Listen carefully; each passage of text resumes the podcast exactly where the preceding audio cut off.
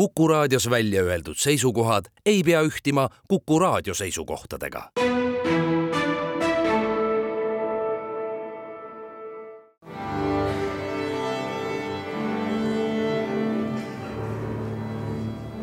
daamid ja härrad, Eesti Kontserdi saade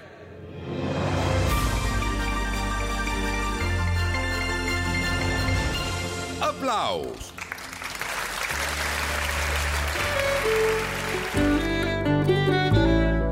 Veebruarikuu on kontserte tõsiselt täis pakitud ja nagu ikka, vajutab Pitseri sellele valikule ka kuu lõpul eesseisev kodumaa sünnipäev, aga mitte ainult. saade on aplaus, mina olen Lauri Aav, tere kõigile ebahariliku, aga seda enam põneva koosseisuga trio. Villu Talsi, mandoliin ja kitarr, Theodor Zink, tšello, Peedu Kass, kontrabass ja elektroonika.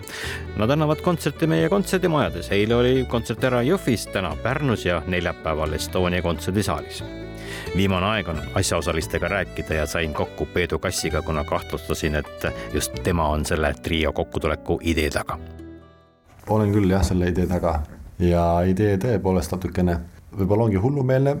muusikainimestele on see tundunud eelkõige nagu hullumeelne, et kui nagu lihtsalt äh, sellise kultuurilembelise inimesega olen rääkinud sellest kontserdist, siis inimesed isegi ei, ei tegelikult ei üllatu üldse, et, et miks mitte, et ju, et kas te kogu aeg ei mängigi koos. ja siis sa hakkad, noh, eks see seletamine ju sinnamaani kuskile jõuab, et, et kolm pilli, mis sageli on sellises, kas siis nagu saatvas funktsioonis või täpselt ka nagu tšello mandoliini puhul sageli seal nende registrite keskel nii-öelda juhtumisi, et noh, meil on nagu need meloodia mängimise võimekusega instrumente on päris palju, et põhimõtteliselt kõik kolm saame justkui mängida nii meloodiat kui ka saadet, kui ka seda mingit äh, keskmist häält, ütleme siis mingit lisahäält no sa ühendad selles uues ansamblis mitte ainult kolm ebaharilikku koosluse moodustavat pilli, vaid ka mängijad. mängijate vaates on siin nagu kolm täiesti erinevat muusikamaailma, Theodor Zink oma klassika ja ERSO taustaga, Villu Talsi, Curl Stringsi ja teatud määral nagu folgi taustaga.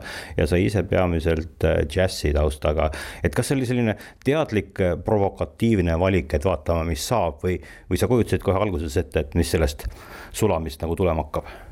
Provokatiivsusel on kindlasti ju oma osa võib-olla ka selles, sest et äh, aeg-ajalt peab riskima ja muusika tegemises minu meelest peab päris palju riskima. et äh, säiliks endal see huvi ja põnevus tegelikult selle ala vastu ja selle asja vastu. noh, paratamatult äh, peab panema ennast ebamugavasse olukorda ja sundima ennast tegema midagi, mida sa eile veel ei osanud või eile veel ei teadnud.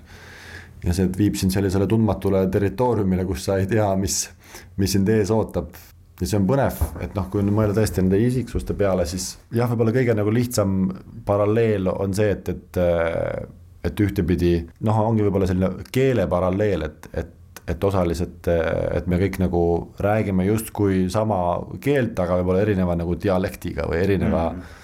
murrakuga ja mõnest asjast ongi nagu keeruline rääkida, et, et seda tuleb lihtsalt nagu teha ja teha ja teha ja, ja noh, Theodori näite puhul ma arvan, et tema puhul nagu lihtsalt see kasvukeskkond ja need tema siis ütleme siis kaasaegsed või tema klassikaaslased, eh, koolivennad, seal kasvõi Holger Marjamaa või Valter Soosalu, et kui sa oled ikkagi nende tüüpide keskel kasvanud, siis ilmselgelt sa oled ikkagi nagu pihta saanud väga, väga erilise muusikaga ja väga erineva muusikaga ja õppinud ka seda nagu hindama. ja jällegi hea näide, siin mängisime mm,. selle oma trioga mängisime Goldbergi variatsiooni ühte osa seal. ja kus Theodor lihtsalt noh, täiesti nagu muus eas äh, mõtles mingi lisahääle välja ja mitte noh, mõtles välja, ta kohe nagu mängis seda. ja see oli geniaalne ja meil Villu Talsiga mõlemal nagu noh, nagu lihtsalt nagu põhimõtteliselt äh, kukkusime ümber ja et mõtlesime, et, et, kust, kust sa nüüd selle partii võtsid või kust see tuleb ja siis ta tegelikult ta ei osanud nagu vastata ka.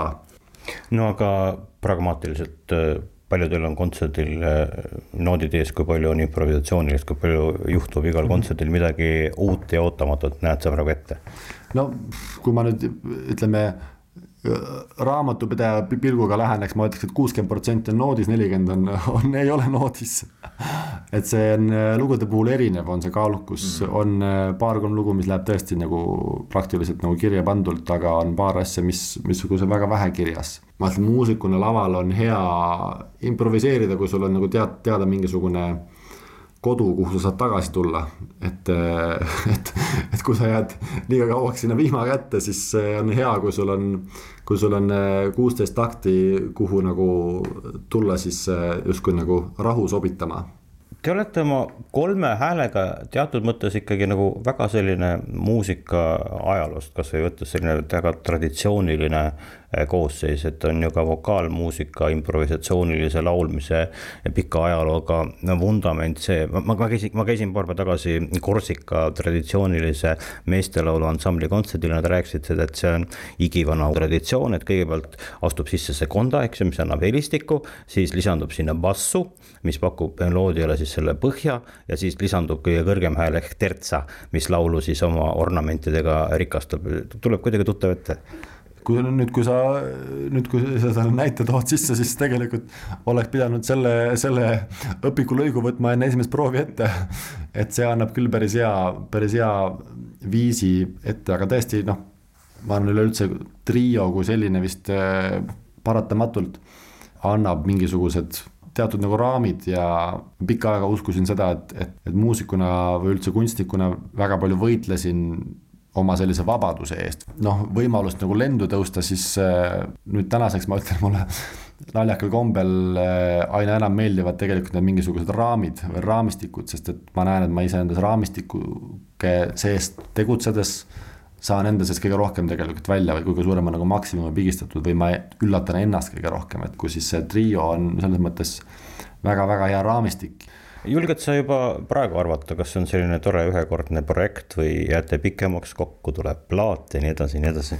ma julgen arvata kindlasti, et, et ei ole ühekordne, et eh, noh, puhtalt juba kasvõi sellepärast, et iga, iga uue asja mm, loomisel noh, ikkagi see hulk eh, tööd ja vaeva, mis sinna sisse läheb, on suur ja, ja siis, kui see hakkab lõpuks nagu kokku saama ja kokku kõlama, siis see rõõm on ka äärmiselt suur. loodan või olen tegelikult üpris kindel, et, et me tegutseme mingil kujul edasi. mis festival teid siis peaks eh, kutsuma esinema, kas eh, Jatskaar, Viljandi folk või Pärnu muusikafestival?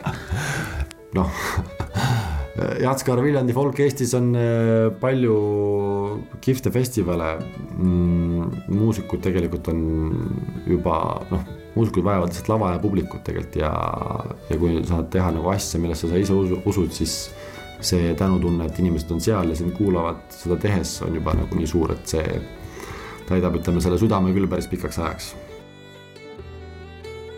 Jõuate veel täna Pärnus ja homme õhtul hilja kell üheksa õhtul Estonia kontserdisaalis.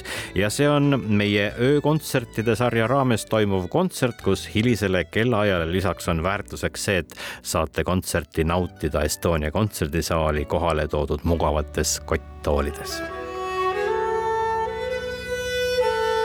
ja sealt kohe edasi, selle nädala lõpul on ees ootamas järjekordne Pillifondi gala. Ilmselt äh, vajab alustuseks selgitust, mis asi on pillifond pillifond on tänaseks pea kümneaastane organisatsioon, mis asutati kahe tuhande viieteistkümnendal aastal Swedbanki Rahvuskultuuri Fondi ja Paavo Järvi eestvedamisel. Ja teatud mõttes on see selline win-win põhimõttel toimiv sihtasutus, kus ühelt poolt on võimalus investeerida vanadesse, väärikatesse ja väärtuslikesse keelpillidesse, mis on ju teadupärast vägagi likviidne, mitte ainult muusika, vaid ka finantsinstrument. Ja teisest küljest on iga instrument parem siis, kui ta on pidevas kasutuses. niisiis on Pillifondi valduses olevad väärtuslikud instrumendid noorte ja andekate muusikute käes.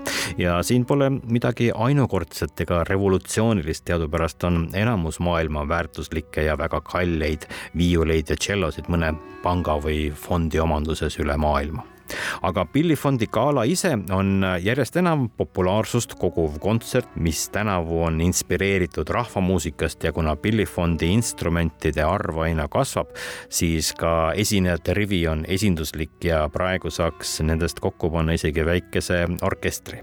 Hans Christian Aavik, Mari Poll, Kaia Lukas, Gloria Ilves, Katariina-Maria Kits viiulitel, Johanna Vahermägi vioolal, Theodor Sink, Valle Rasmus Roots ja Leho Karin tšellodel, Triinu Piirsalu viiulil ja Hardlangeri viiulil, Sandra Klimaite ja Helena Altmanis viooladel, Regina Udot kontrabassil ja Maano Männi viiulil ja Maano on ka kogu selle kontserdikava koostaja.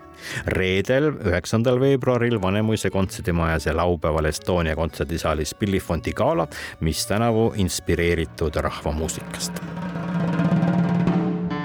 kolmeteistkümnendast kuueteistkümnenda veebruarini on aga kõigis kontserdimajades Tallinnas, Tartus, Pärnus ja Jõhvis kontsert pealkirjaga Rhapsody in Blue. Ja see pole selle teose tavapärane ettekanne, vaid taaskord ebahariliku koosseisuga ansambel, ma pean siin vast juurde lisama, et ebaharilikud koosseisud pole Eesti Kontserdi uus tegevussuund, see on puhas juhus, et kaks sellist ebaharilikude koosseisudega ansamblit ühel nädalal kokku satuvad. Sten Heinoja ja Rasmus Andreas Raide klaveritel ja Tanel Heiko Novikov ja Karl-Johan Latikas löökpillidel.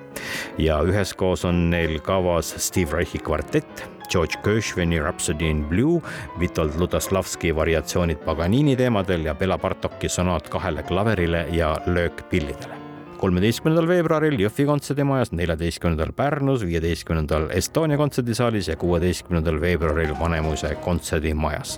Rhapsody in Blue mitte ainult äh, meil ei toimu siin põnevad kontserdid, taas on täistuuridel töötamas ka muusikaekspordi masinavärk ja kui Eesti Filharmoonia Kammerkoor on praegu pikemal tuuril Ameerika Ühendriikide idarannikul, siis meie rahvusmeeskoor on kontserte andmas mainekas uues, nüüd juba mitte nii uues, aga ikkagi uhkes Elbphilharmonie suures saalis Hamburgis.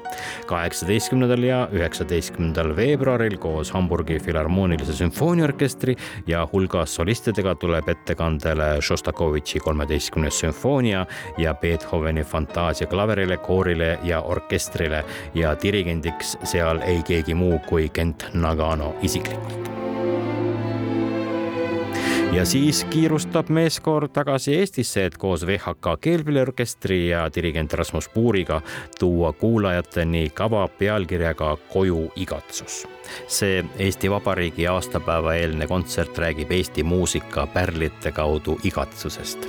ikka oodatakse midagi, loodetakse kellelegi, ihatakse kuskile.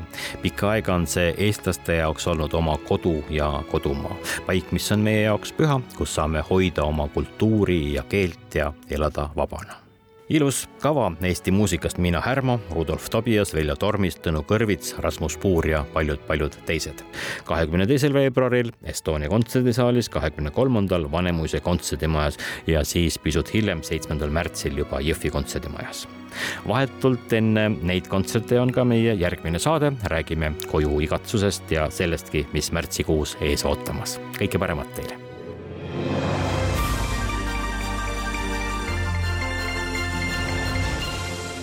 aplaus